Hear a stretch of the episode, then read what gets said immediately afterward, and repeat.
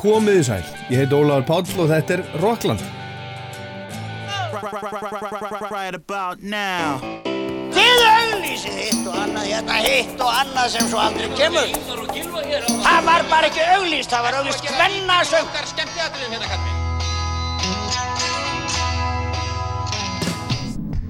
Hvað gerir kvöld? Kíkja á tónleikana? Ekki?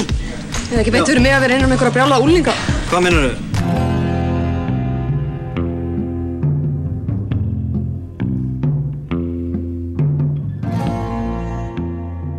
Í Rocklandi í dag ætlum við að fara í tímaferðalag halva öld aftur í tíman á Woodstock hátíðina sem að fóru fram dagana eða helgina 15. til 18. ágúst 1969 í uppsveitum New York fylgis ekki í Woodstock í raun og veru heldur á bújörð Max nokkurs jaskurs í Bethel í New York sem er í rauninni 70 km suðvestur af Woodstock Það kemur kona til okkar í heimsókn sem að var á Woodstock, hún heitir Julia P. Andersen, var tvítug á Woodstock, fór allslaus, jakkalaus og berfætt, ekki með tjald eða sveppoka eða neitt slíkt.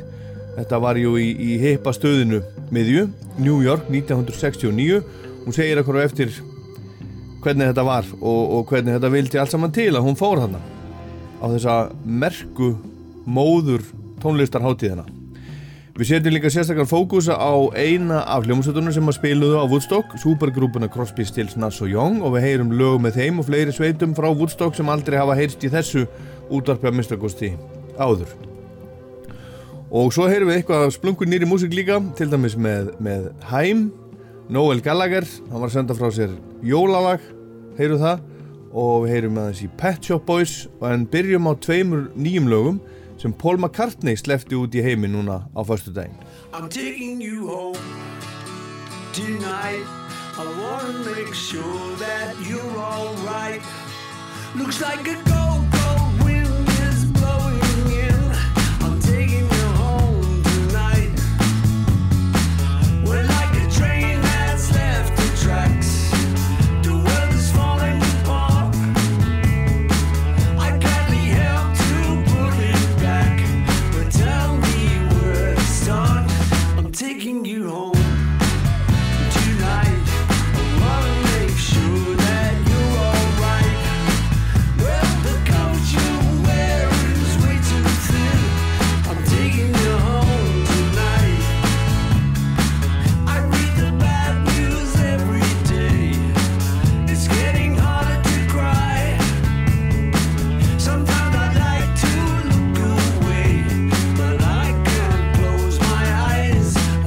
I'm taking you home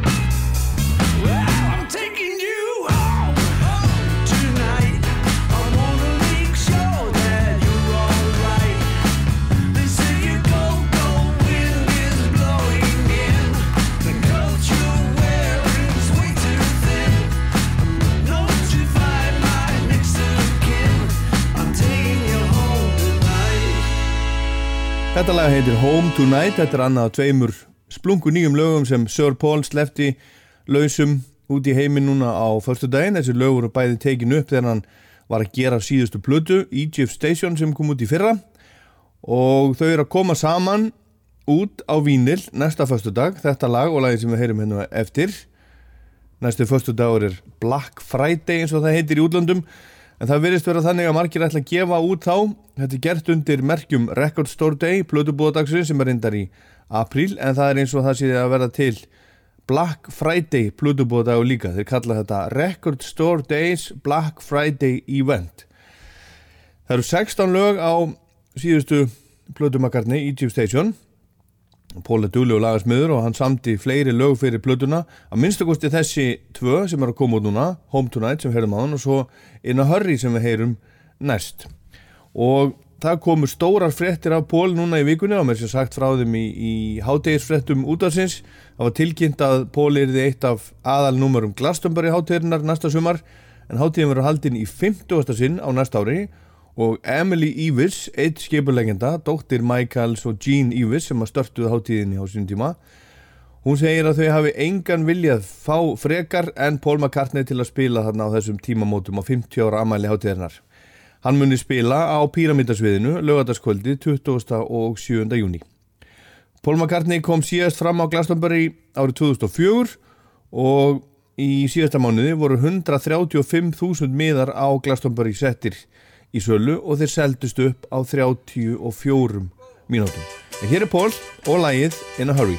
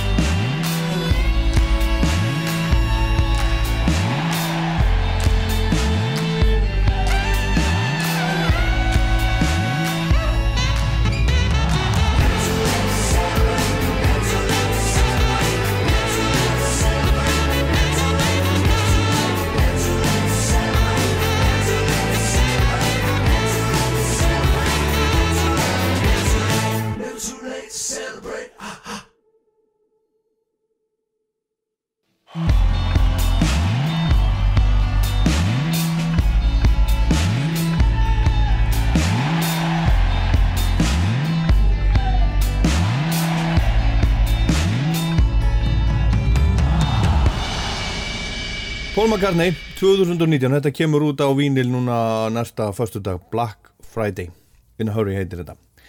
Áður en við förum til Woodstock, þar sem við ætlum að vera svona megnið af, af þættunum í dag, skulum við heyra splungunni lag frá systra hljómsveitinni Hæm sem spilaði á Æsland Airwaves á Gauknum árið 2012.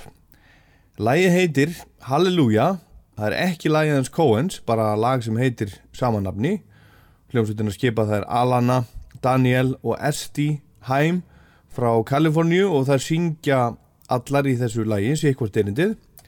Esti Hæm sem er bassarleikari sveitarana segir í, að í sínum huga þá fjalli lagið um það að, að eiga fólk í kringu sig sem hægt sé að stóla á en hún greindist með sigursíki þegar hún var 14 ára gömul og það þyrmdi yfir hana skiljanlega fyrst en hún byrjaði upp frá því að, að semja lög og hún segir að sýstu sínar, þær Alana og Daniel séu sínir bestu bandamenn í lífinu standi ávalt þétt við baksitt þegar eitthvað bjátar á og hún er við það að, að gefast upp á að, á að díla við sjúkdóm sinn. Og hún segir að þetta lag sé til einhvað öllum þeim sem séu að berjast við króníska sjúkdóma og fólkið í kring sem þeir sjúku þurfa að reyða sig á varandi hjálp og leiðsögn almennt í lífinu og gaman að geta þess að hæmstólkunar eru gýðingar pappið þeirra alin upp, fættur alin upp í Ísrael. Og það er eiga lag á plötu sem kom út núna á fyrstu daginn og heitir Hanukkah Plus. En Hanukkah er ljósaháttíð gýðinga haldin í desember þegar við höldum jól. Þá kveikja gýðingar á, á kertum til að minnast ljósins sem logaði í musterinu í Jérúsalem. Ég vona að þetta sé rétt skilji hjá mér, ég er ekki sérfræðingur í, í Hanukkah, en það var sér að koma út þessi saplata, Hanukkah Plus og það er eiga lög til dæmis Flaming Lips, Jack Black Jóla Tango og Hæm og það er flytja hérna lag Leonards Cohen If It Be Your Will af plötunni Various Positions frá 1984 sem er einmitt platan sem hans Halleluja kom fyrst út á. En hér er Halleluja þeirra Hæm sistra I met two angels, but they were in disguise. Took one look to realize. Tell them anything and they will sympathize. These arms hold me tight.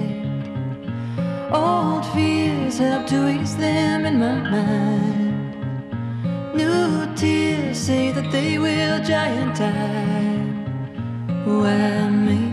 How'd I get this hallelujah? Hallelujah. Laughing together like our thoughts are harmonized. Been that way since 95. Give me direction when it is hard to find. Three roads, one line. Now and then I can lean my back to yours. Traveling like our feet don't touch the floor. Why me? How'd I get this hallelujah?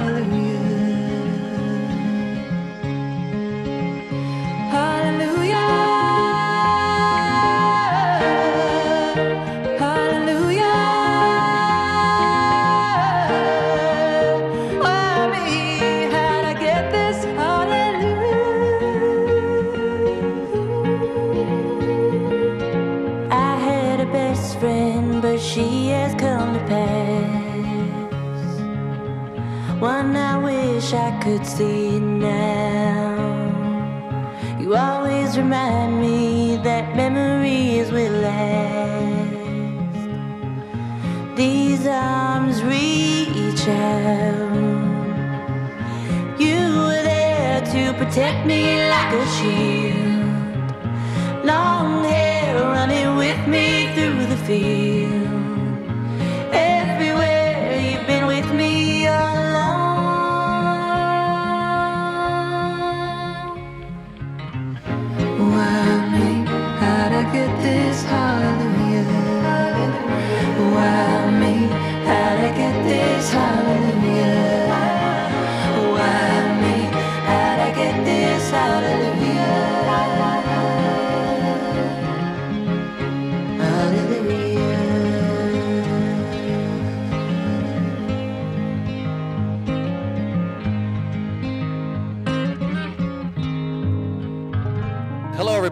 This is Wayne from the band The Flaming Lips, and you're listening to the Icelandic National Radio 2. And the program at the moment is called Rockland. And I hope you enjoy it. I have.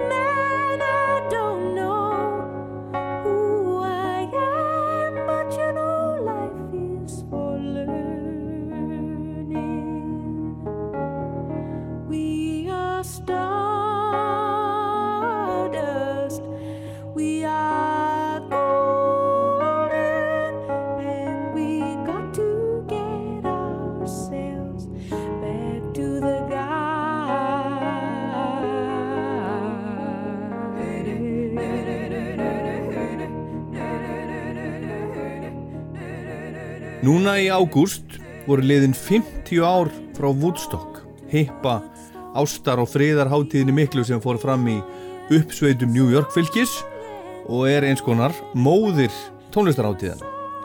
Og þetta lag hérna sem Joni Mitchell samdi og syngur heitir einmitt Woodstock. Þetta er fyrsta útgáfan af læginu sem kom út 1970 á plötunni hennar sem heitir Ladies of the Canyon. En Crosby, Stills, Nass og Young gáfu lægi líka út þetta sama ár á plötunni Deja Vu. Og Bresk kljómsveit sem að hétt Matthews Southern Comfort gaf þetta líka út 1970 sama ár og þeirra útgáfa varð miklu vinsætli en hinn að tvær í Breitlandi fór alla leið á topp breska listans á sínu tíma en heyrist ekki oft núna síðust áratugina. En í þessu lægi er einhver á leiðinni á Woodstock til að upplifa alla músikina og gamanið og Jóni sjálf var ekki á Woodstock, hún var byggðin um að spila og langaði að spila en hún var bókuð annar staðar og komst ekki. En kærastinnunar á þessum tíma, hann var á hátíðinni, Graham Nass, úr emitt Crosby, Stills, Nass og Young. Og hérna á eftir heyrum við í henni Júlíu sem var á Woodstock, fóruðangað með Evu, vinkonu sinni og þær fóru alls lausar, berfættar á gallabuxum og ból og engu öðru, ekki með tjald, ekki með sveppoka og ekki neitt. Hún rifjar þetta upp með okkur hérna á eftir. En 50 árum eftir að þetta kemur út þetta lag þá stendur þetta svolítið eins og minnisvarði um þessa uh, er mann ekki óvægt að segja merkilegu hátíð sem fór fram dagana 15. til 18. ágúst 1969 á 600 hektara bújörð Max Jaskurs í Bethel í New York sem er í raun 70 km söðvestur af Woodstock. Hátíðin var auglís sem Bethel Rock Festival og eða Aquarian Music Festival 3 Days of Love and Music ekki Woodstock Festival. Uppháflega átti hátíðin að fara fram í Woodstock og það var búsetta Bobs Dylans sem að réði því, hann bjó í þessum litla bæ í uppsveitum New York Woodstock en það fegst ekki leifi til að halda hátíðina þar og þess vegna var hún haldin í Bethel en einhvern hluta vegna þá helst nafnið og hefur lifað í sögunni Woodstock Festival. Og Woodstock er í sögunni eins konar hápunktur hippamenningarnar þryggja daga músikveisla og allir vinir, allir byrjar ofan og allir elskuð alla. Eða hvað, var þetta svona? Við skoðum það kannski hérna aðeins á eftir. Það voru 32 atriði sem að spiluðu á hátíðinni, 32 hljómsveitir og listamenn sem að voru skráð til leiks Ravi Shankar, Arlo Guthrie, Joan Baez, Country Joe McDonald Santana sem var líkt þekkt númer þá The Incredible String Band sem kom áratugum síðar og spilaði í Gamla Bíó í Reykjavík Kennedy Heat, Mountain, Creedence Clearwater Revival, Janis Joplin og samt Cosmic Blues Band, Sly and the Family Stone, The Who, Jefferson Airplane, The Band, Johnny Winter, Blood, Sweat and Tears, Grateful Dead, Joe Cocker frá Englandi, Crosby, Stills, Nass og Young, Supergrúpa og Jimi Hendrix og fleiri. Fyrstur á svið var Richie Havens. Það er bleið 30 tónlistamæður frá New York, svartur trúbátor sem spilaði sínar eigin sálarfullu útgáfur af lögum annara yfirleitt.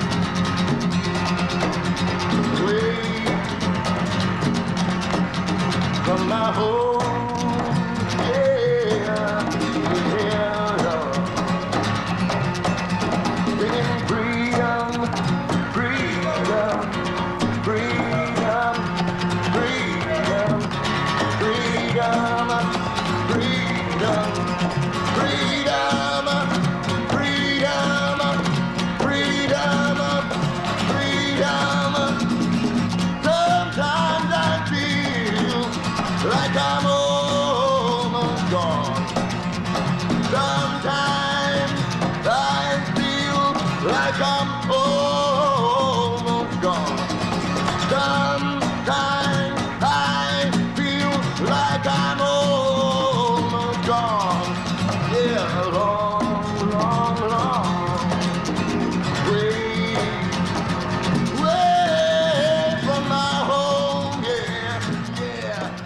Richie Havens var eitt af lögunum sem hann spilaði á Woodstock og lagi sem kom út setna á Woodstock plötunni.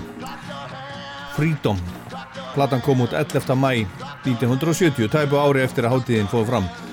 Og þetta er líka í Woodstock myndinni sem var frumsýnd í mars 1970 Richie Havens átti ekki að opna hátíðina eins og hann gerði heldur átti hljómsveitin Sweetwater frá Los Angeles að gera það en hún var först í umferðateppu þegar hún átti að spila.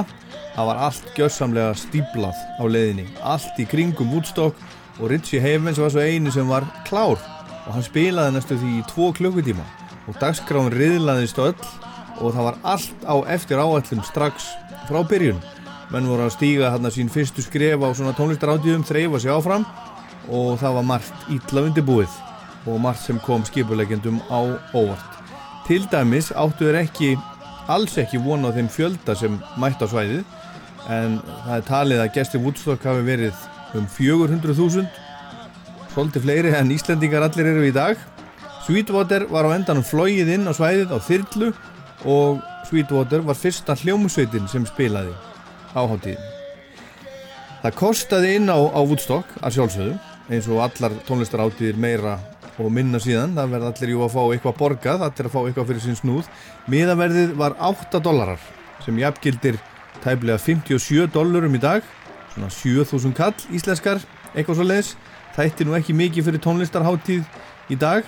Það seldust 186.000 miðar fyrir háttíð og skipuleikendur byggust við svona kannski hátt í 200.000 manns með miða.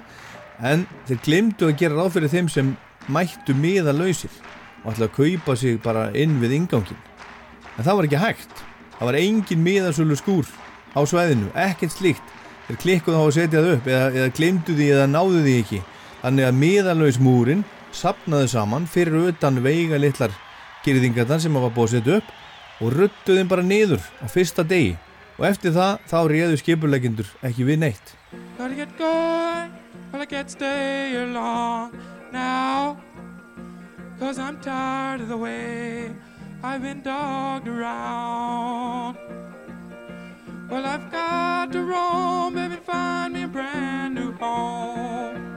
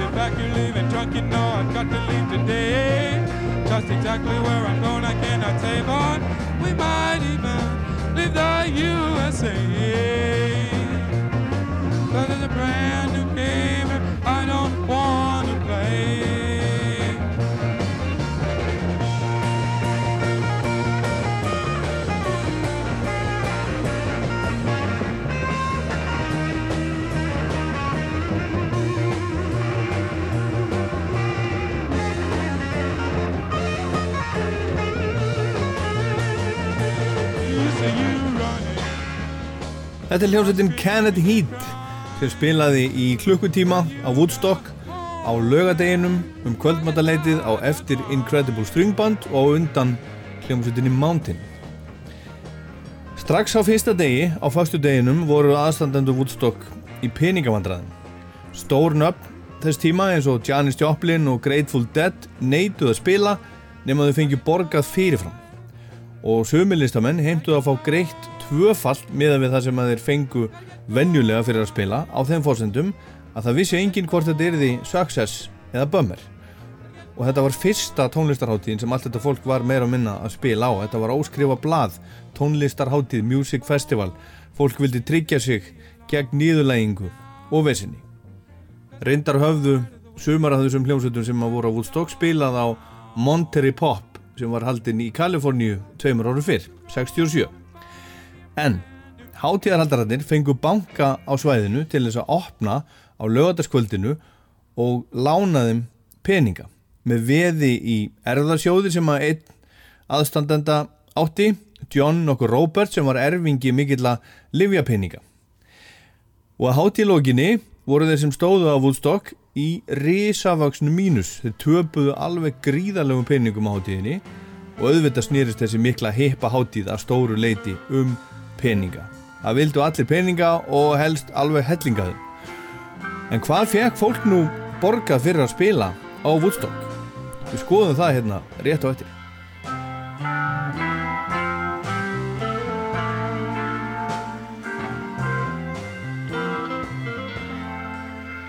Nobody feels any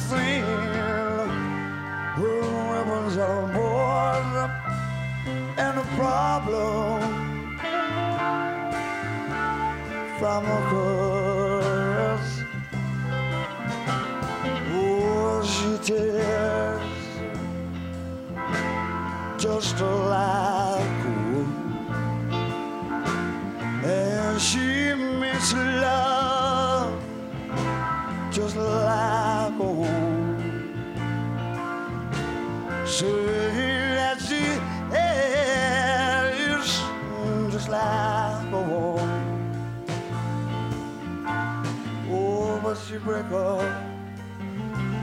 like a little girl.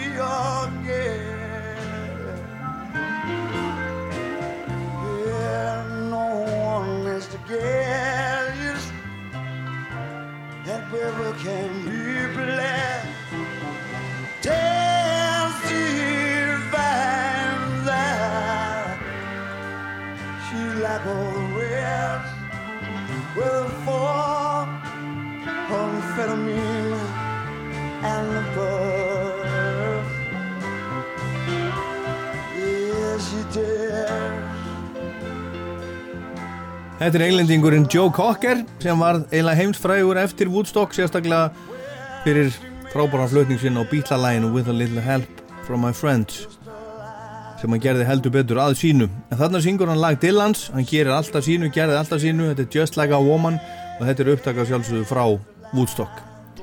Þannig er hann á, á sviðinu á Woodstock. Hann spilaði á sunnudeginum frá klukkan 2 um daginn til hálf fjögur eitthvað svo leiðis og þegar hann var búinn þá fór að rigna alveg svakalega. Og það var gert hlje á tónleikadarskarunni til hálf sjö. Um kvöldi og það var alveg hellingur að hljómsveitum eftir. En vinnu minn í Raunheimum og á Facebook Sigfús Artósson frá Akureyri hann búsettur í Englandi hann tók saman lista yfir það sem fólk fekk borgað á sínu tíma fyrir að spila á Woodstock og umregnaði yfir í ný krónur. Og segir, hann gerði þetta núna í, í sömar Hér er svo launalistin hvað menn fengu greitt fyrir að koma fram á Woodstock 1969 Launin eru farið til núverðis í íslensku krónum. Launin segja bara til um vinsaldir þessara listamanna voru 1969 í bandaríkjónum, ekkert annað. Aðtiklisvert að sjá til dæmis Santana og Joe Cocker nálagt botninum þótt framlega begja væri með því merkilegasta á hátíðinni. Þeir voru nánast óþektir í bandarækjunum fyrir Woodstock og Arlo Guthrie einn fær það sama á Crosby, Stills, Nass og Young til samans. Og Kenneth Heat fengur meira en The Who. Og svo er listin svona. Byrjum efst, Jimi Hendrix 15,5 miljón Blood, Sweat and Tears 13 miljónir Joan Baez 8,5 miljón Creedence Clearwater Revival 8,5 miljónir The Band 6,5 miljón eins og Janis Joplin eins og Jefferson Airplane og eins og Sly and the Family Stone. Kennedy Heat fengur 6 miljónir þetta er sem sagt uppreiknað núvirði það sem þau fengur borgað fyrir að spila Woodstock The Who 5,5 miljón Arlo Guthrie 4,5 Crosby, Stills, Nass og Young 4,5 Ravi Shankar 4 miljónir Johnny Winter 3,2 Ten Years After 2,8 Country Joe and the Fish 2,2 Grateful Dead 1,9 miljónir króna. Incredible String Band sama Mountain 1,7 miljónir Tim Hardin 1,7 Joe Cocker 1,2 Sweetwater 1,1 John Sebastian 850.000 Melanie 650.000 Santana 650.000 fyrir að spila á Woodstock hátíðinni í uppregnuðum íslensku krónum. Og á botninum þessi ljósið dyrna, Shanana 600.000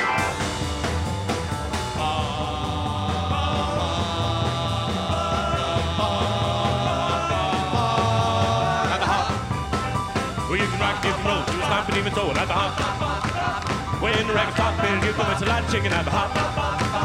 Do the dance sensation and sweep of the nation at the hop. Let's go do the hop. Let's go do the hop. Let's go do the hop. Let's go do the hop. hop.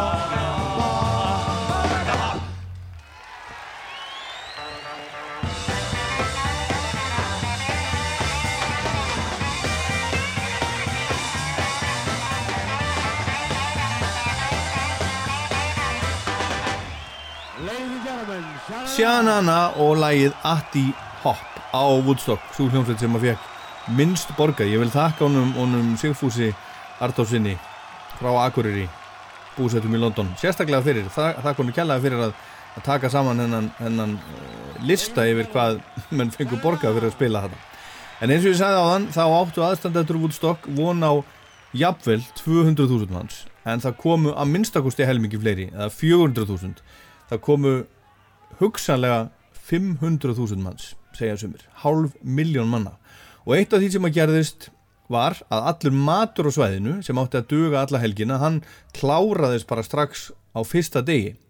Og vegna mikillar eftirspurnar var til dæmis verðið á hambúrgurum á hambúrgarabullunni á svæðinu hækkað úr 25 centum í dollar á einu bretti Þetta er spurningu frambóð eftirspurning, kapitalismin alveg í nótskurn á heipaháttíðinni og þetta letu heipakrakkarnir á útstokk ekki bjóða sér og bara kveiktu í búlunni. Og þegar allir matur var búinn á svæðinu þá mætti herin á þyrlum með samlokur og vatn og dósamatt og lif. Það voru nokkur Íslandingar á Woodstock sem vitaður um og eitt þeirra er komin hinga til mín, Júlia P. Andersen, innan hús arkitekt, velkomin. Takk fyrir. Hérna, hvernig var maturinn?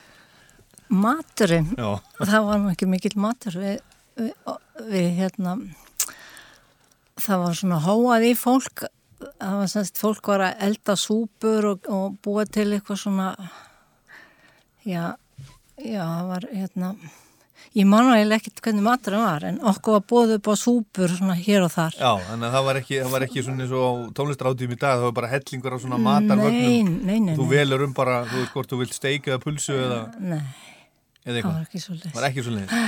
Þannig að það var bara svona matur. Já, við, neða, bara kalla, eða ekki svanga, vil ekki koma, komið hérna að fá okkur súpu Já. og hérna, já, það var þannig.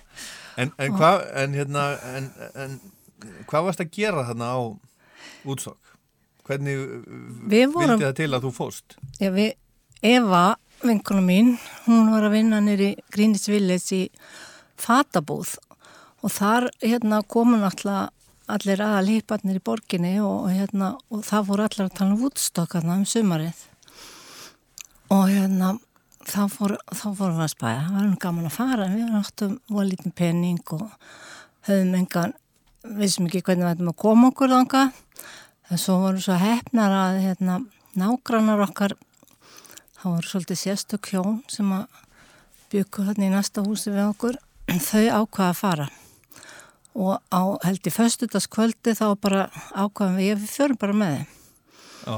og við fengum hérna, fórum bara eins og við stóðum, við við vorum ekki með tampusteinsinni sko. Í alvöru? Já. Ekki neitt? Nei, nei.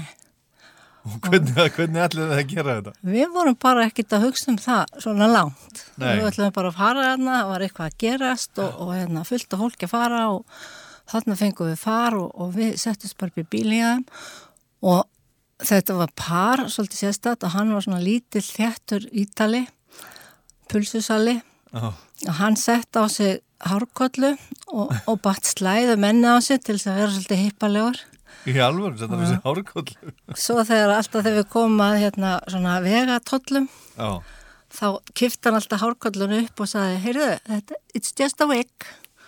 er þess að fólk heldur nú ekki að væri hippi. já, Og svo man ég eftir að, svo vorum við komin, komin í, ég bara einhverja trafík eða svona umferðar, bara öngveiti, það var allt stopp og við lögðum bara, fórum bara bílinn fór bara í röðun og við fórum út og settumst fyrir utan bílinn og það var bara endalus röð og, og hérna endalus draumur af fólki framhjá við- Labbandi? Já, lappandi sem að parkera bílónu sínum og var bara að lappa á stað Mhm.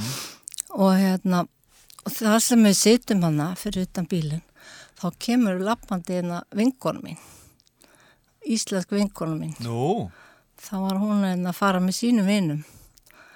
Og hérna já, það var, það var svolítið merkilegt að hitta hana hana en Já. svo heldur þau bara fram og, og við byggðum hana, ég held að við höfum verið hana eða allan nóttina.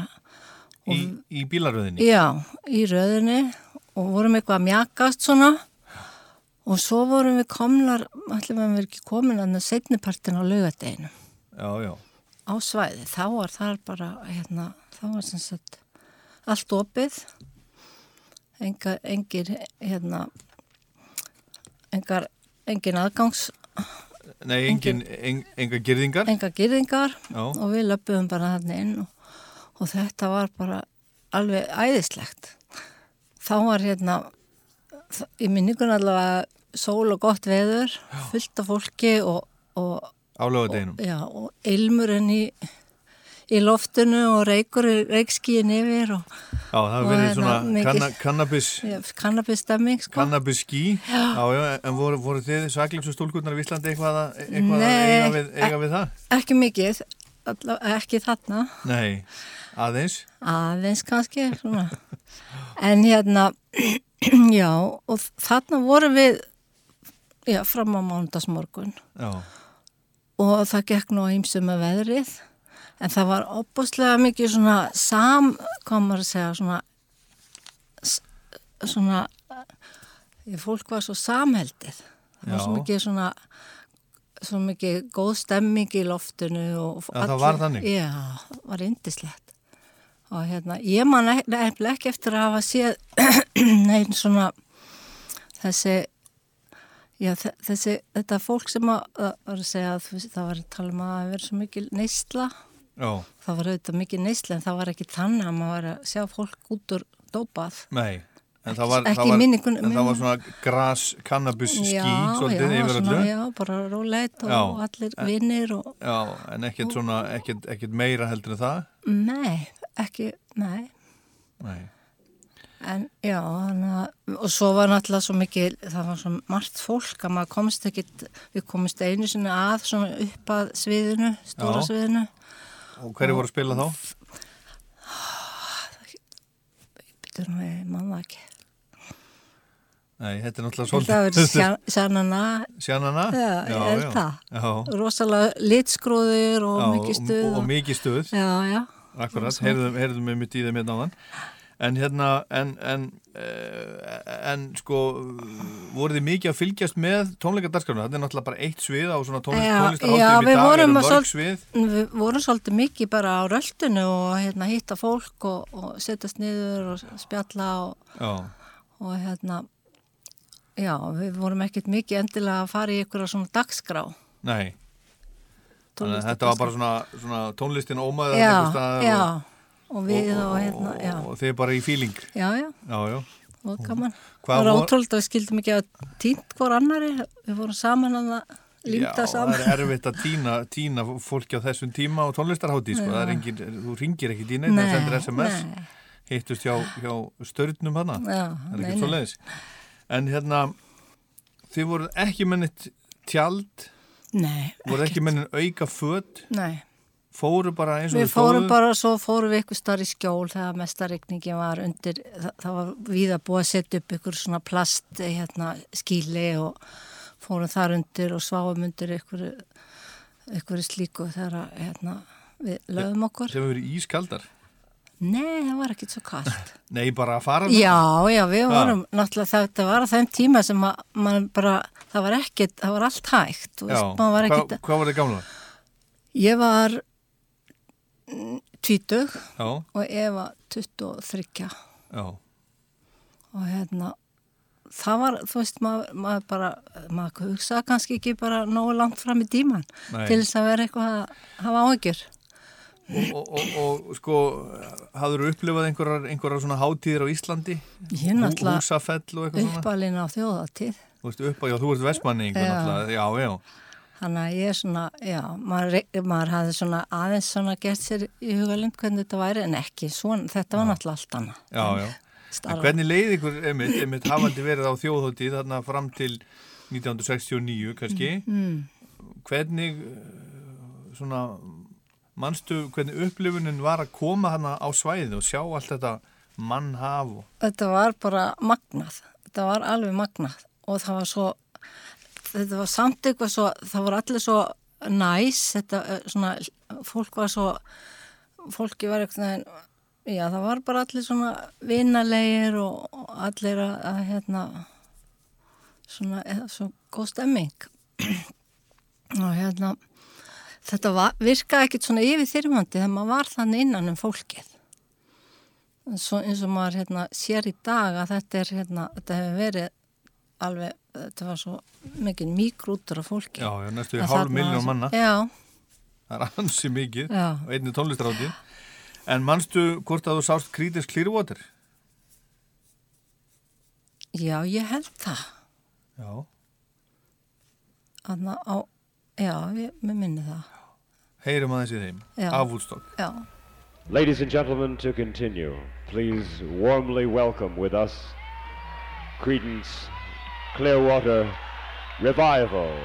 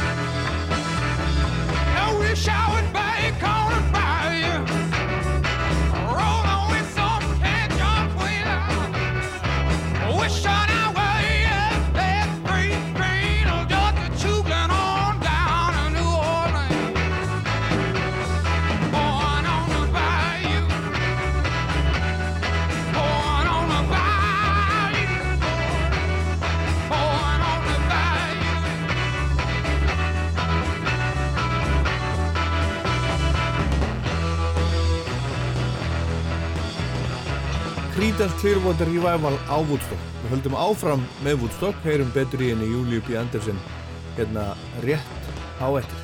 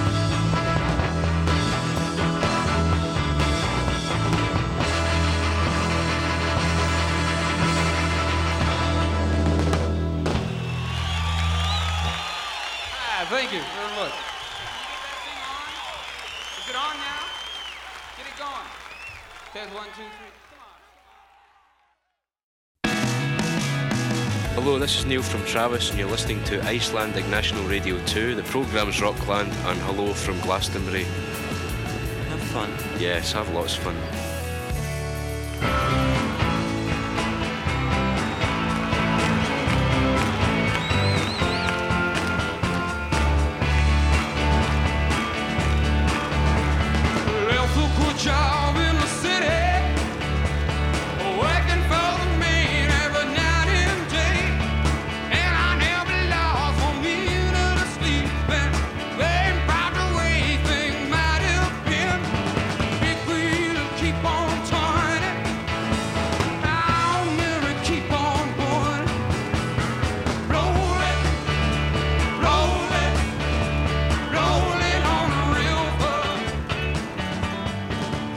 Þetta er Creedence Clearwater Revival á Woodstock. Þetta var að koma út núna loksins á, á, á, á plötu fyrir ekkert löngu síðan á, Vínil og, og þetta er á, Spotify, allir, all, allir tónleikandir. En hvernig var svo Júlia að, komast tilbaka eftir hátíð? Það var ekkert mál, við fórum á puttanum með einhverjum þrejum fjórum Já, þið hafði Bílum. ekkert, verið neitt svona að hanga með þessum, þessum nágrunum ykkar þarna alltaf helgina. Nei, þau, nei, nei, þau hörfu bara þegar að við komum við vildum alltaf ekkert vera með þeim. Nei. Þau voru bara að púka á. Já, ekkert spennandi. Nei, nei. Já, já. Ég veit ekkert hvað var um þau. Nei. Við mann það ekki. En hérna, hann að, já, þetta var, nei, það var ekkert mála að fara á puttanum en við fórum í nokkur svona ferðarlega á þessum tíma. Svona puttaferðarlega. Já, já. Ungar íslenskar stúlkur Já, já, óhrættar við í allt. Ameríkunni. Já, En, en sástu svo myndina þegar, þegar hún kom út, þegar hún var sínd? já, Já. sá hana. Og Og það var alveg magna. þá hefur nú þótt, þótt merkilegt að hafa verið, já, ég vann nú þarna. Já, mér fannst það bara svo óraunverulegt. Þetta var svona náttúrulega frá öðrum, allt öðrum vinkli heldur en ég upplifa það. Já, já. Já, það er náttúrulega svona hátíð, það, það, það er sko, hver og eitt sem er hérna, hann upplifir hátíðina á sinn hátt, sko. Já, Það er- það er- já. Þú fær, þú fær, sko, jafn margar sögur á svona hátíð eins og það eru, eru margir. Já, já, einmitt. En, en hérna, en þarna voru þið, þú og Eva, Eva vingunaðinn, var Benjamin Stúttir. já, sem er látin, Já, hérna, og, og við vorum að tala um rigningunan og rigningin, hún kemur nú, nú við sögu þarna, það Heldur vita allir betur. sem á síðu myndina, það bara það bara rignir og rignir og rignir og Já. rignir og rignir Heldur og þeir voruð ekki með var Við ekki vorum bara svona, sko, eða þú veist, Já, bara já. í gallabúksum og, og, ból og, og með bandum hárið og Já, held í öruglega berfættar. er það Já, já, við vorum berfættar. Ekki eins og inni, sko, ekki eins og? Nei, ekkert frekar. Við vorum mikið berfættar bara í, í í New York. Þannig að það var hérna, Þið hafið, hafið verið svona þið hafið verið miklar hippa hippa stúlkur já, já, við vorum alveg hérna, lifðum okkur inn í þetta. Þetta voru indislegi tímar. Fólk Já. var svo frjálst og, og hérna, og, og svona, það var ekki mikið verið að keppast um fata, í Nei. fatastílnum. en hún vann En- samt í fatabúð Já, hún vann í fatabúð og þarna voru, tíma. og voru hipparnir að, að, að, að kaupa mikið af fötum Já, voru svona mussur og, og skarkripir þau voru ekkert að nota eitthvað bara svona nota gamalt Nei, það var nei, það var ekki til sko. Nei, þannig þú, þú, þú Það var samt verið að nota gamla gallabúsur og, og klippa neðan að þeim og setja bætur á þær og Já. eitthvað svona. en til þess að vera svona í, í tískunni þá þurftir að vesla svolítið af nýjum fötum Já, það var oft, sko, já, það var einhver sem gerði það. Ég held að ég hef nú ekki verið neitt mikið í því. Maður var eiginlega, áttu tvenna gallabúsur og tvenna bóli eða eitthvað svo leis og hérna, og var yfirlt bara í sömu fötunum. Svona, já, þetta, þessi, þetta ár hérna, Já. eða árin í, já. Jimi Hendrix var þarna aðal númerið á, á hátíðinni og, og, og svona, ef maður hugsa á Woodstock, þegar ég hugsa á Woodstock þá er hann nú sá sem að, sá sem að stendur, stendur upp úr kannski, en hvað svona fyrir utan Hendrix, hvaða annað atriði eh, er þið, er þið minnistætt sem var þarna? Hú, Já, sástu þá? ég sá þá svona í fjalla og heyrði og það var alveg magnað og ég man eftir að hafa séð þannig að Joan Baez svona í hópa, með hópa fólki en ég man ekki eftir að ég held að ég hef ekki séð hann á sviði. En hérna já, Sjanana sjáum við og sennilega Santana og, og hérna Grateful Dead. Já, sástu þá? Já, við vorum búin að sjá þá í hérna í, í hérna New York áður. Í hérna Central Park við fórum þangastundum á tónleika Já. þá var það já, þá var oft sent á kvöldin sem að maður fór með sveppoka og, og hlusta á tónleika þar ég man eftir að við fórum með mitt Með sveppbók á tónleika? Já, já, með Grateful Dead eitthvað tíman. Já. Ég man bara ekki nöfnin á þessu hljónsettum því miður er ég. Nei, en það er svolítið langt síðan. People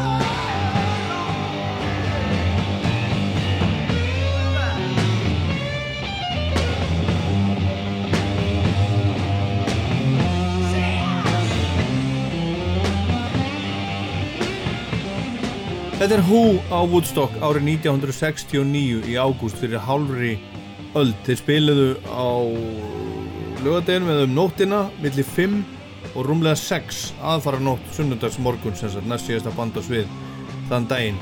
Síðasta band Jefferson Airplane byrjaði að spila kljóðan 8 morgun og spilaði til 20 mínútur í 10. Svona var þetta þá á Woodstock. En þrátt fyrir almenna matarþurð eins og við komaði hérna áðan eru þeir sem að voru á Woodstock flestir sammálu um það hef ég lesið að minnstu kosti að umferðin eða umferðateppan og leiðin á hátíðina hafi verið verst af öllu. Hún var svo slæm að öll dagskráin riðlaðist og í einu tilfelli svo mikið að bandið Iron Butterfly sem átti að spila spilaði ekki vegna þess að hljómsveitin komst ekki einu svona frá flugvellinum áleiðis á hátíðina og vinkonunnar Júlia P. Andersen sem við heyrðum í hérna áðan og við heyrum í aftur og eftir og vinkonunnar Eva Benjaminsdóttir lendur sko heldur betur í teppunni á leiðinni á Woodstock eins og hún saði hérna áðan og Júlia Einn af hápunktum Woodstock eins og sagan mann það er þegar Jimi Hendrix sem fekk mest borgað headline hátíðarinnar spilaði síðastur allra á sunnundagsmótinu og bandaríski þjóðsöngurinn sem hann spilaði á Woodstock hefur verið notaður aftur og aftur í ótal bíómyndir og sjónvarslætti í gegnum tíðina. Það er sannlega einn af hápunktum hátíðarinnar í sögulegu samengi og Hendrik spilaði miklu setjana nátt að spila. Klukkan var árið nýju á mánudagsmótni það var spilað alla nóttina og flestir fannir heim eða margir fannir heim þegar Hendrik slóks steg á svið. Orðið bjarta degi. Og Wikipedia segir að hann hafi spilað fyrir minna en 200.000 manns. Aðrar heimildir segja að það hefur bara verið svona 25.000 cirka eftir á sveðinu þarna um morgunin Sko, mér er minnist að Jimi Hendrix þegar hann kom. Ég, mér minnir að hann hafi komið í fyrlu Já. Og hérna, hann var, var ábyggilega bara mánudagsnóttina eða sem að hann kemur. Og hann spilar, er að spila þarna og, og það var orðið svolítið, eða það er fækka svolítið fólki held ég þá. Já. Það var búið að rigna svo mikið og var allt orðið svona mjög svona hérna blöytt og Anstíkilegt svolítið. anstíkilegt svolítið, já. En hérna, já, það var eiginlega fannst mér að vera svona toppurinn.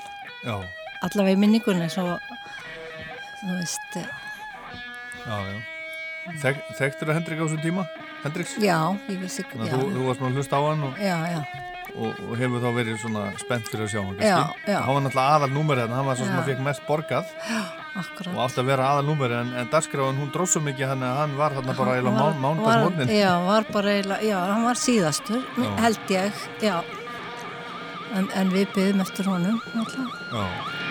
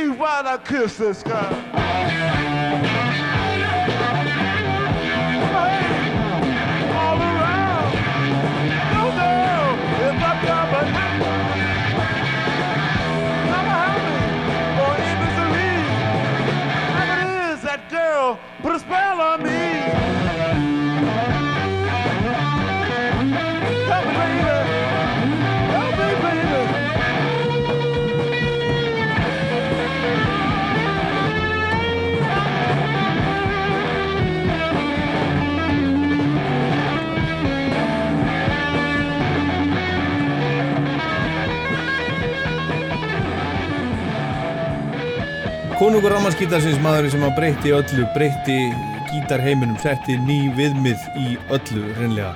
Purple Haze á Woodstock og bandaríski þjóðsöngur var í rauninni svona intro að Purple Haze. Þetta var, þetta var svona undir lok tónleikana. Það voru 32 atriði sem komu fram á Woodstock í það heila og eitt af þeim atriðum var supergrúpan Crosby, Stills, Nass og Young og þetta voru tónleika nummer 2 sem að þeir spiluð á. Og kannski má segja að Crosby, Stills, Nass og Young hafi verið einkennandi fyrir tíðaranda Woodstock og stemninguna alla að minnst kosti á baku tjöldin. Hippa stemninguna sem einkendist jú af náunga kærleng, frelsi til ásta peace and love. En var þetta þannig, var þetta allt eindum sæla, ást og friður? Eða er það bara setni tíma eftir á skýring bjart eðra sagfræðinga sem að vildu sjá þetta svona? Það er nú það hvað segir Júlía sem var á Woodstock um það? Sko ég myndi segja að hann hafi verið bara uppfyllt að náunga kærleika og, og svona romantík allavega eins og það sem ég uppliði þarna á Woodstock.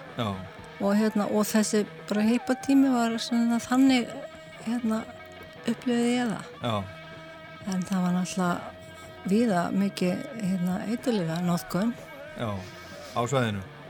Já, Já, já En svo, svo að maður séð í myndin það voru, voru, margir reyðir í myndin þeir vildu að þetta væri ókeipis og Já. þeir röttu niður gerðingunum og auðvitað það var, það var ekki hægt að kaupa sig inn heldur sko þegar maður kom á svæðið Nei.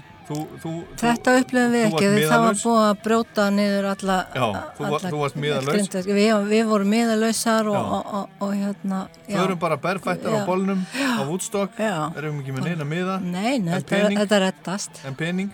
Eitthvað smá penning, það var ekki mikið. Og fórum sem sagt ó- hérna, á puttanum fram og tilbaka. Svona. Mm. Hefur þú ferðast mikið á puttanum síðan? Ég gerði það svolítið ég kom heim hérna. Já, já. En ekki, e, Fór í húsafell og lauga vatn og, og svona eitthvað. e, ekki í setni tíð? Eh, Nei, ekki, nei, ég er hætti. En ég tek oft putta, putta fólku upp, Já, upp í já. bílinn. Í sam, svona, Hugsa fallega hugsa fallega til. til þeirra. Já. Give me an F. Give me a U. Give me a C. Give me a K. What's that spell? What's that spell? What's that spell? What's that spell? Well, come on, all of you big strong men. Uncle Sam needs your help again. Got himself in a terrible jam way down yonder in Vietnam. Put down your books and pick up a gun. We're gonna have a whole lot of fun. And it's one, two, three. What are we fighting for? Don't ask me, I don't give a damn. The next stop is Vietnam. And it's five, six, seven. Open up the pearly gates. Well, there ain't no time to wonder why. Woo, all gonna die. Now come on, Wall Street, don't be slow. I man, this is war a go-go. There's plenty good money to be made. Supplying the army with the tools of the trade. Just hope and pray that if they drop the bomb, they drop it on a Viet Cong. And it's one, two, three. What are we fighting for? Don't ask me, I don't give a damn. The next stop is Vietnam. Seven. Open up the pearly gates. Well, ain't no time to wonder why. We're all gonna die. Þetta er Country Joe and the Fish á Woodstock að sjálfsögðu. Hann er lifandi, þessi náingi, 77 ára, hefur sendt frá sér 33 plötur á 60 ára ferli. En stemningin á Woodstock hefur auðvitað verið allavegana, eins og allt, alltaf, en það er alveg hreinu að hjá Crosby, Stills, Nass og Young var ekki mikið um peace and love á Woodstock. Heldur voru þessi náungar miklu frekar drifnir áfram af peningum og óhóflegu magni af kókaini ef eitthvað var að marka náunga sem heitir Mark Bennerman og skrifaði grein á VF ABC núna fyrir skemmstu undir yfirskriftinni Drugs, Betrayal, Paranoia and the Rise and Demise of Woodstock Icons Crosby, Stills, Nass and Young Ungu menninir fjórir sem að skipuðu þessa supergrúpu sem hún sannlega var letu hafa eftir sér að þeir hafa verið að skýta í buksurnar af hræðslu áður en þeir fóru á svið þeir hafi ekki haft hugmyndum hvernig þetta myndi ganga í höfðum og fara það voru aðrir tónleikarnir þeirra sem Crosby, Stills, Nass og Young En þetta gekk bara alveg ágætlega hjá þeim, að minnstakosti Crosby, Stills og Nash. Young vildi ekki vera með í myndinni, vildi ekki, það tók það ekki í mál og, og spilaði ekki með þeim alla tónleikana. Hann kom inn á eftir nokkur lög, þeir byrjuðu sem sagt þrýr. Ladies and gentlemen, please welcome with us Crosby, Stills, Nash, and Young.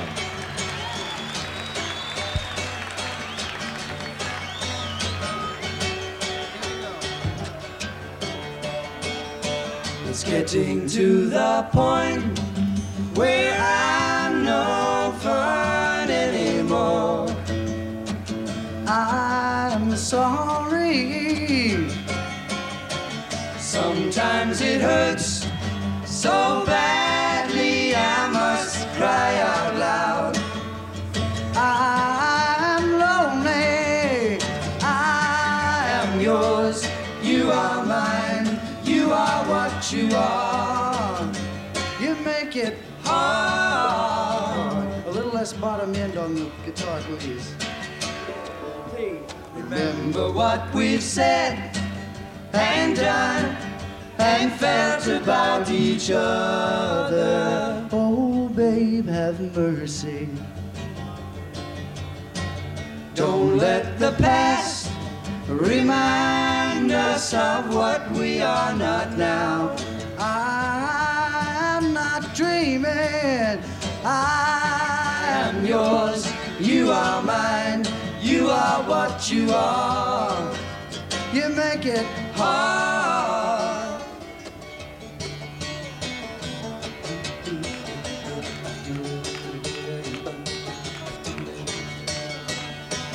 Tearing yourself away from me now. You are free, and I am crying. This does not mean I don't love you. I do. That's forever, baby. Yes, and for always. I am yours. You are mine. You are what you are. You make it hard. Something inside is telling me that I've got your Are you still listening? Fear is the lock, and laughter the key to your heart. Yes, and I love you. I am yours. You are mine. You are what you are. You make it hard.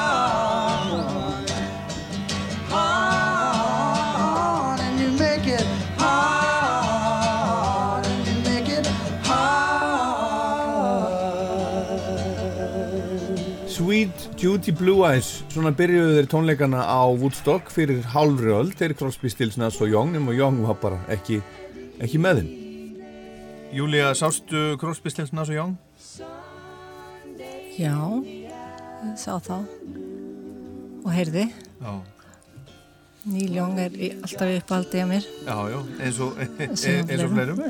Hérna, eh, er það eitthvað sem að þú, eh, þú veist, menna, þetta er náttúrulega svo langt síðan, þetta eru 50 ár síðan Þetta er heill mannsaldur. Já, manns, mannstu eftir þeim, þeim tónleikum eitthvað? Ég man eftir sko að sé það bara í fjallægð og hérna, já, já, ég man, man eftir þeim. En ég var ekkit nálægt, ég sá þá ekki alveg í, í hérna, nærmynd. Nei. En hvernig, hvernig var hljóðkerfi? Heyrðist eitthvað? Veist, Mm, heyrðist já, það var allavega held ég. Já, Minnir að vera svona svolítið skrautlegt og svo datta út ykkur tíman í ykkur mikillir regningu og, hérna, já, já, þetta var, þetta var svolítið magna að vera bara með eitt svið þarna fyrir allt þetta fólk. já þarna voru menn náttúrulega að búa til tónlistarháttíðin Já. í rauninni. Það var, það var, var engar, það var, þú veist, núna hafa menn lært svo mikið, sko. Já, já. Menn lærðu mikið af Woodstock, svo, svo, svo fóru svona háttíðir að spretta út út um allan heim eftir þetta, til Já. dæmis Glastonbury og Róaskjelda og Ég fór á Róaskildi, ég sé að fara á fyrstu Róaskildi hátíðinni mitt, er það? bara svona einn dag eða eitthvað. Já. hérna. Hvað, hvað sástu þar? Ég sá hérna Kim Lassen og, og Gasolín og og hérna þessar dönsku fínu hljómsveitir og hérna fekk að, að, fekk að hérna, borða hjá hjálpraðshernu með einhvern sem að var með ég var í sama í, Sama pakkan þar? sama pakkana þar sko hmm. Júlia P. Andersen hefur verið ævindýra kona þegar hún var ung og, og, og er það bara líklega en ég gerir bara fastlega ráð fyrir því þakka henni fyrir komin að hingað í Rockland en Crosby, Stills, Nass og Young voru eins konar kannski merkisberar písmerkisins á Woodstock frið elskandi og gras reykjandi hippar á sandölum og með brosa vör en var þetta þannig í alvörunni voru allir í, í stuði Nei, ekki er það nú raunin ef Grant er skoðað. Stephen Stills segir í nýri heimildamyndu um líf og feril félagasins David Crosby sem kom hingað til Íslands í fyrra sumar og, og, og talaði meðal hans við Egil Helgason í Kiljunni eins og margir vita. Hann segir um Woodstock í þessar mynd, mér fannst þetta skrítið, ég hafði anstið á hipum. Það er nú bara þannig. Og Neil Young segir um Woodstock, mér leist ekkert á þessar pop-háttíðir á þessum tíma og Woodstock Ég var þarna og tók þátt í þessu en vissi í rauninni ekki hvað ég var að gera þarna og veit ekki enn. Og Crosby segir sjálfur í myndinni um sig að þetta hafi verið allt í ruggli og í dag sé hann búin að koma lífið sinu þannig fyrir að þeir félagar hans sem hann hefur búið til músík með í gegnum tíðina þeir vil ekki tala við hann, enginn þeirra og þar eru meðtaldir Stills, Nass og Young. We'd like to do a Stephen Stills song, one of the best I think ever written. It's called Helplessly Hoping. Helplessly hoping her helicopter hovers nearby. Helplessly.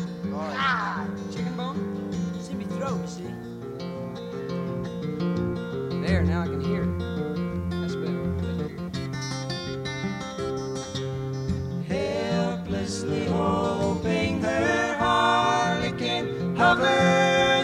Nearby, awaiting a word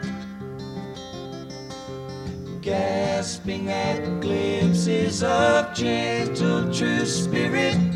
He runs, wishing he could fly high, only to trip at the sound of goodbye.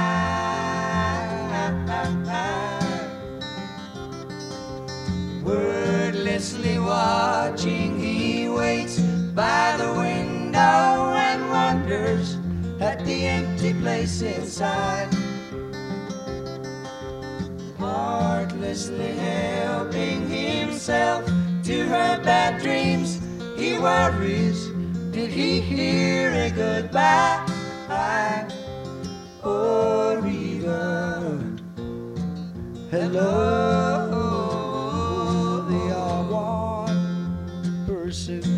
Are two alone, they are three together, they are four each other. Hér eru þeirra Woodstock félagarnir sem talast ekki við í dag. Helplessly Hoping eftir Stephen Stills kom út á fyrstu plötunni Crosby, Stills og Nass sem kom út í mæ 69 bara nokkur mánuðum fyrir Woodstock. Þetta var supergrúpa með þessi áður en Neil Young gekk til liðsviða. Þarna var David Crosby sem hafi verið í hljómsveitinni Bird sem var eins konar svar bandarækjamanna við Beatlónum Bresku. Stephen Stills sem hafi verið einn aðal maðurinn í Kaliforníu sveitinni Buffalo Springfield með Neil Young sami þeirra þekktasta lag. Og svo englendingurinn Graham Nass sem hafi verið leikilmaður í Hollies. Allt saman vel þekkti náungar. Og þegar þeir sungu fyrst saman annarkvort í partíi hjá Mama Cass úr Mamas and the Papas í Laurel Canyon í Los Angeles eða heima hjá Joni Mitchell í LA það fyrir eftir hver segja söguna það er þetta með sannleikan og er hann yfir höfuð til en þegar þeir sungu saman í fyrsta skipti þá bara einhvern veginn var til einhver galdur rattirna þeirra smullu saman eins og vel æður kór og þegar Ahmed Ertegun, forstjóri Atlantic útgáðunar, heyrði í þeim í fyrsta sinn, þá fjall hann alveg flatur. Hann sagðist heyra þarna framtíðina nýja bítlægjapel. En þá voru þremenningarnir reyndar búnir að fara til Englands til þess að reyna að komast á samning hjá Apple útgáðu bítlana á nárangurs.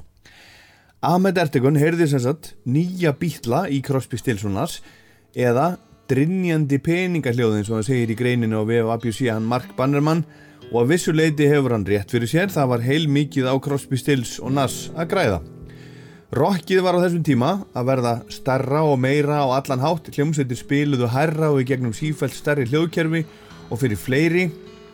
Lögin voru líka breytast, lengjast og verða skrítnari í mörgum tilfellum. Og síru rock, prog rocki var að vera til. Þó það væri ekki kallað prog rock þá. En þá akkurat kemur þessi hljómsveit með einfalda, lágstemda músik, falleg persónlega lög um ástina en líka pólitík á köplum þar sem þeir kvöttu ungu kynslaðuna til að gefa skít í Ameríku hérna eldri. Við erum framtíðin, við erum öðruvísi en þið. Við gerum öðruvísi en þið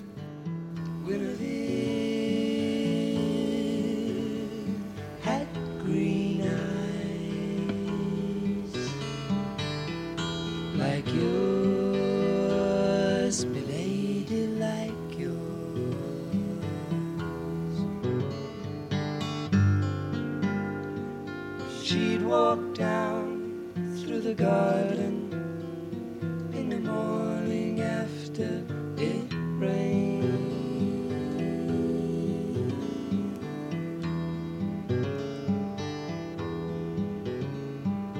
Peacocks wandered aimlessly underneath an orange tree. Why can't she see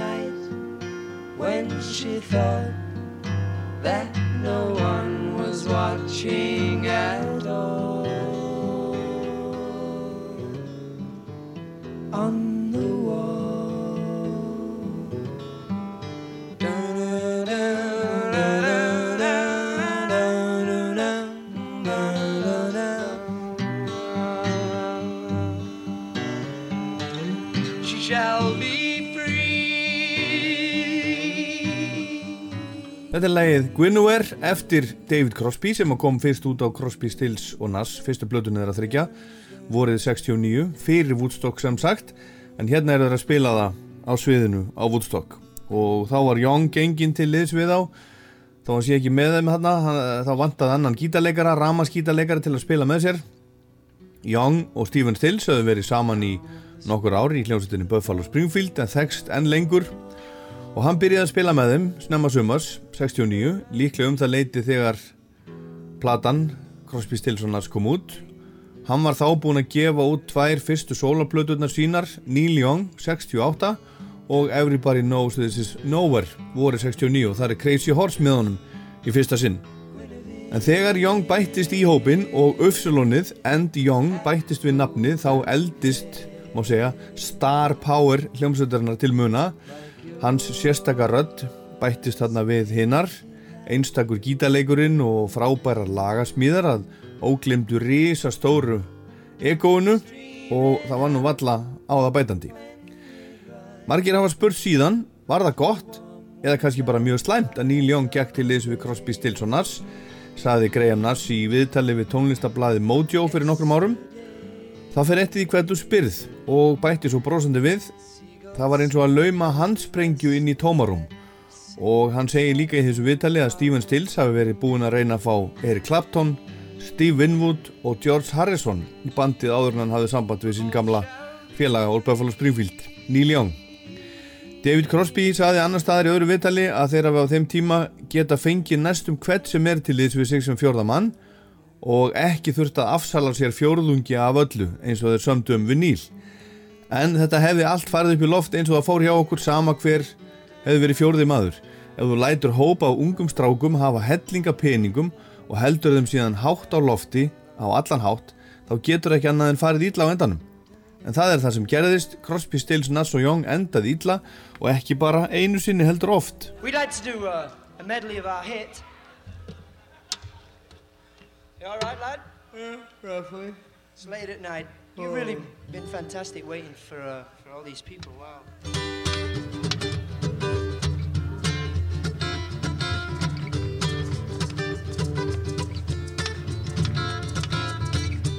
Looking at the world through the sunset in your eyes. Traveling the train through clear Moroccan skies. Ducks and pigs and chickens call. Animal carpet wall to wall. American ladies five foot tall and blue. Sweeping cobwebs from the edges of my mind. Had to get away to seek what we could find. Hope the days that lie ahead bring us back to where they've led. Listen not to what's been said to you. But you know we're riding on the Marrakesh Express. You know we're riding on the Marrakesh Express. They're taking me to Marrakesh all on board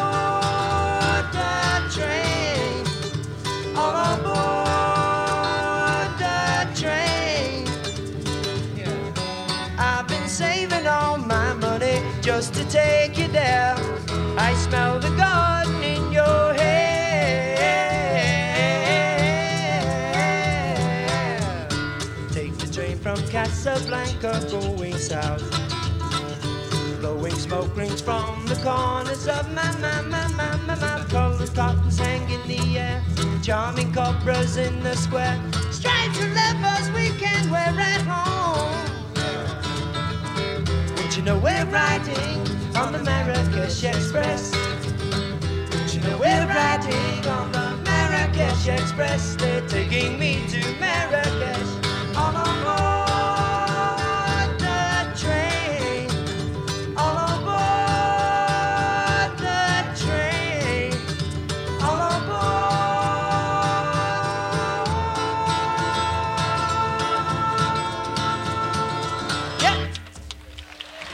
Marrakesh Express á Woodstock Crosby, Stills, Nass og Young eins og bandi hér þegar kom fram á Woodstock. En Neil neitaði að vera með í myndinni sem var verið að gera um hátíðina og hann sést ekki í myndinni, hann spilaði ekki með þeim framann af tónleikunum þeirra. Þarna á hátíðinni kemur ekki, ekki innferðin í miðu setti. Þeir spiluðu fyrst óramagnað, svo ramagnað þeir fjórir pluss bassarleikari og trommari en Neil var svo ósáttur við framöstöðu hljómsveitarinnar að hann vildi láta taka nafni sitt af upptökunum fyrir myndina og eða plötuna vildi ekki láta bendla sig við þetta, bara alls ekki. Hann er með á plötunni og í myndinni þó sem hann sjáist ekki það með sér lag eftir hann í myndinni Sea of Madness sem þeir spiluðu sannarlega á Woodstock félagarnir en upptakinni myndinni er alls ekki þaðan heldur tekin upp nokkru mánuðum síðar annar staðar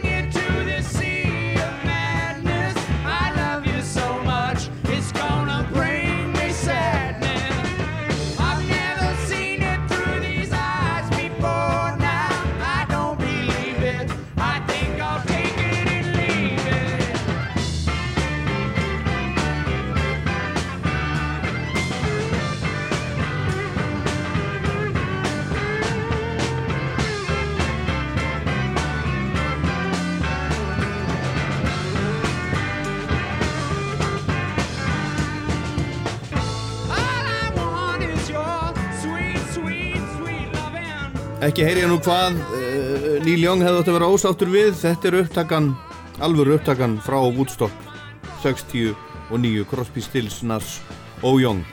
En það gekk ekki þrautalaust fyrir sig hjá þessum ungumönnum á Woodstock fyrir halvur öll þegar þeir voru allir í kringum 25 ára aldurinn.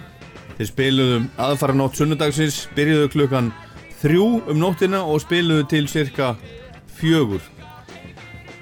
Og ástandið átti ekki eftir að batna þegar þeir fóru svo allir saman í stúdíó til að taka upp fyrstu plötuna sem kvartett, eða saman. Þeir voru ekki mikið saman í rauninni í upptökunum, en platan var samt mega success. One morning I woke up and I knew it all. A new day, a new way, and new eyes to see it all. Go your way, I'll go mine. Kept on.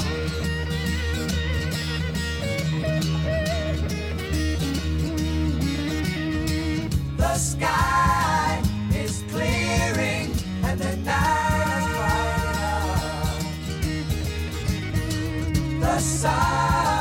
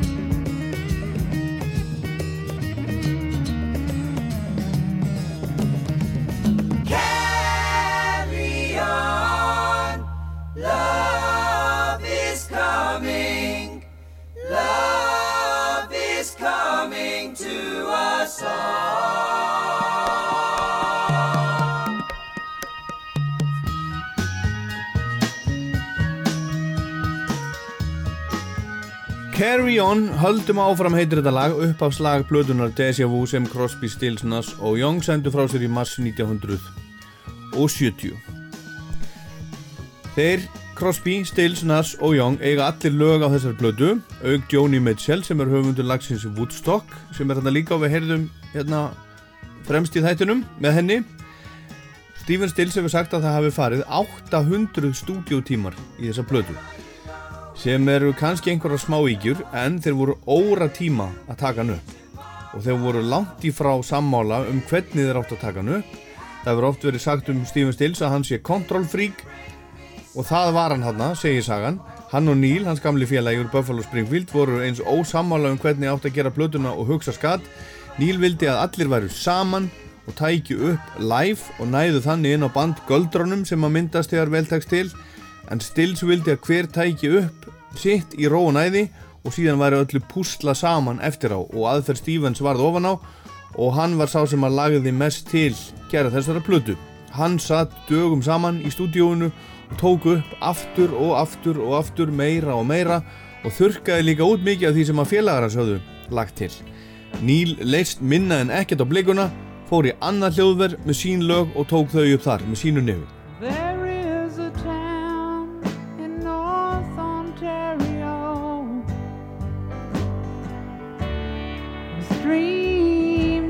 Comfort, memory to spare. And in my mind, I still need a place to go. All my changes were there. Blue, blue windows behind the stars.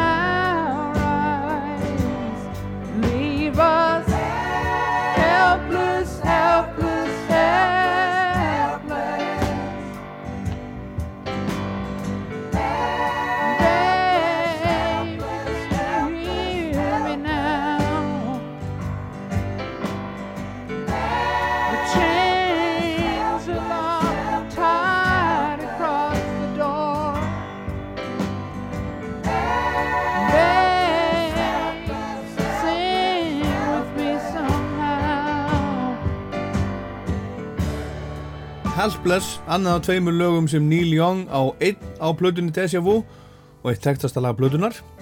Neil hefur spilað þetta talsvært alla tíð og þegar Crosby, Stills, Nass og Young hafa túrað hefur þetta oftast verið spilað.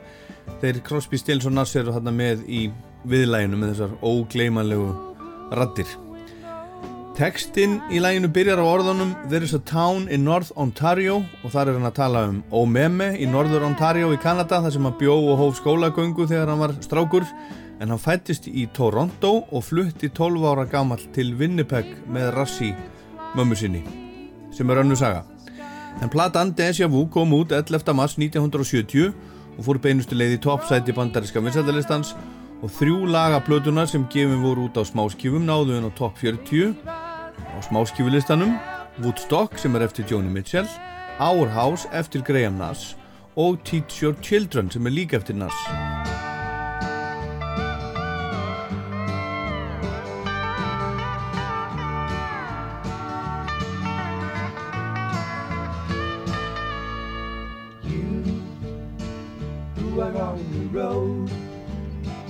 must have a code that you can live by. And so become yourself because the past is just a goodbye. Teach your children well their father's hell did slowly go by and feed them on your dreams. The one they picked the one you know by. Don't you ever ask them why if they told you you would cry. So just look at them and sigh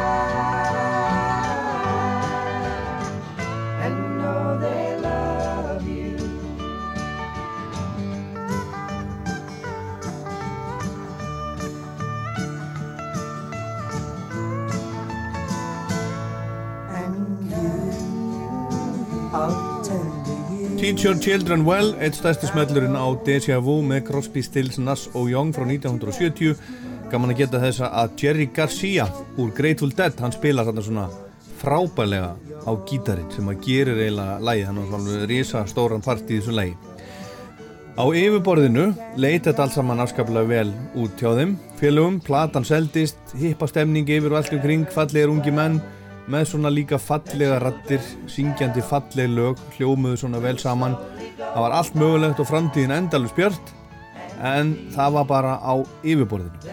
Það var allt vaðandi í kókaini hjá þessum strákum og andrúslófti var baneitrað. En samt var farið í tónleikaferð um bandaríkin sem gekk vel utan frá séð. Fólk hópaðist á tónleika hjá þeim peningunum ringdi yfir þá en stemningi var slæm Ego liðsmanna, útblásin á kókaini, ósætti milli manna og þeim helst illa á meðspilurum. Þeir voru reknir út og söður og þegar túrin var búinn var bandið búið líka. Crosby, Stills, Nass og Young hafði sungið sitt síðasta í byli. Það liðu næstu því 20 ár þangar til þeir komu aftur saman til að gera plötu allir fjórir.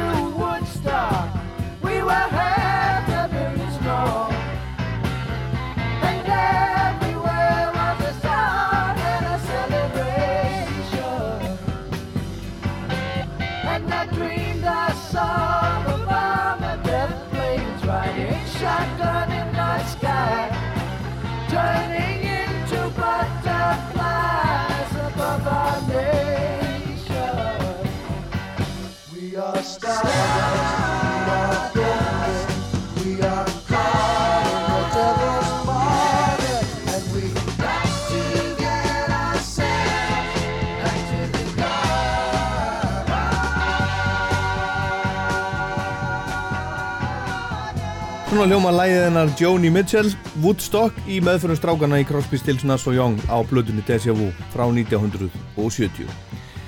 Ég minni á henni lokina Rockland er út um allt, podcast á iTunes og Spotify til dæmis og Rockland á Rú.is og í Rúf appinu og svo minni ég á Rockland mælir með lagalistan á Spotify. Honum er hægt að fylgja með því að velja hjartað. En í næsta þætti ætla ég að fjalla um nýju Coldplay plötuna Everyday Live sem kom út á föstu daginn tvöfalt album, löng plata, 16 lög og alls konar lög allt öðruvísi plata en þeir gáu út síðast sem er mikil pop plata með stóru P. En það er eftir viku, ég ætla að slá botninni í dag með lægi af plötunni þó. Þetta er loka lægið á hlið 2 af fjórum heitir When I Need a Friend. Ég heit Ólaður Páll, þetta var Rockland takk fyrir að hlusta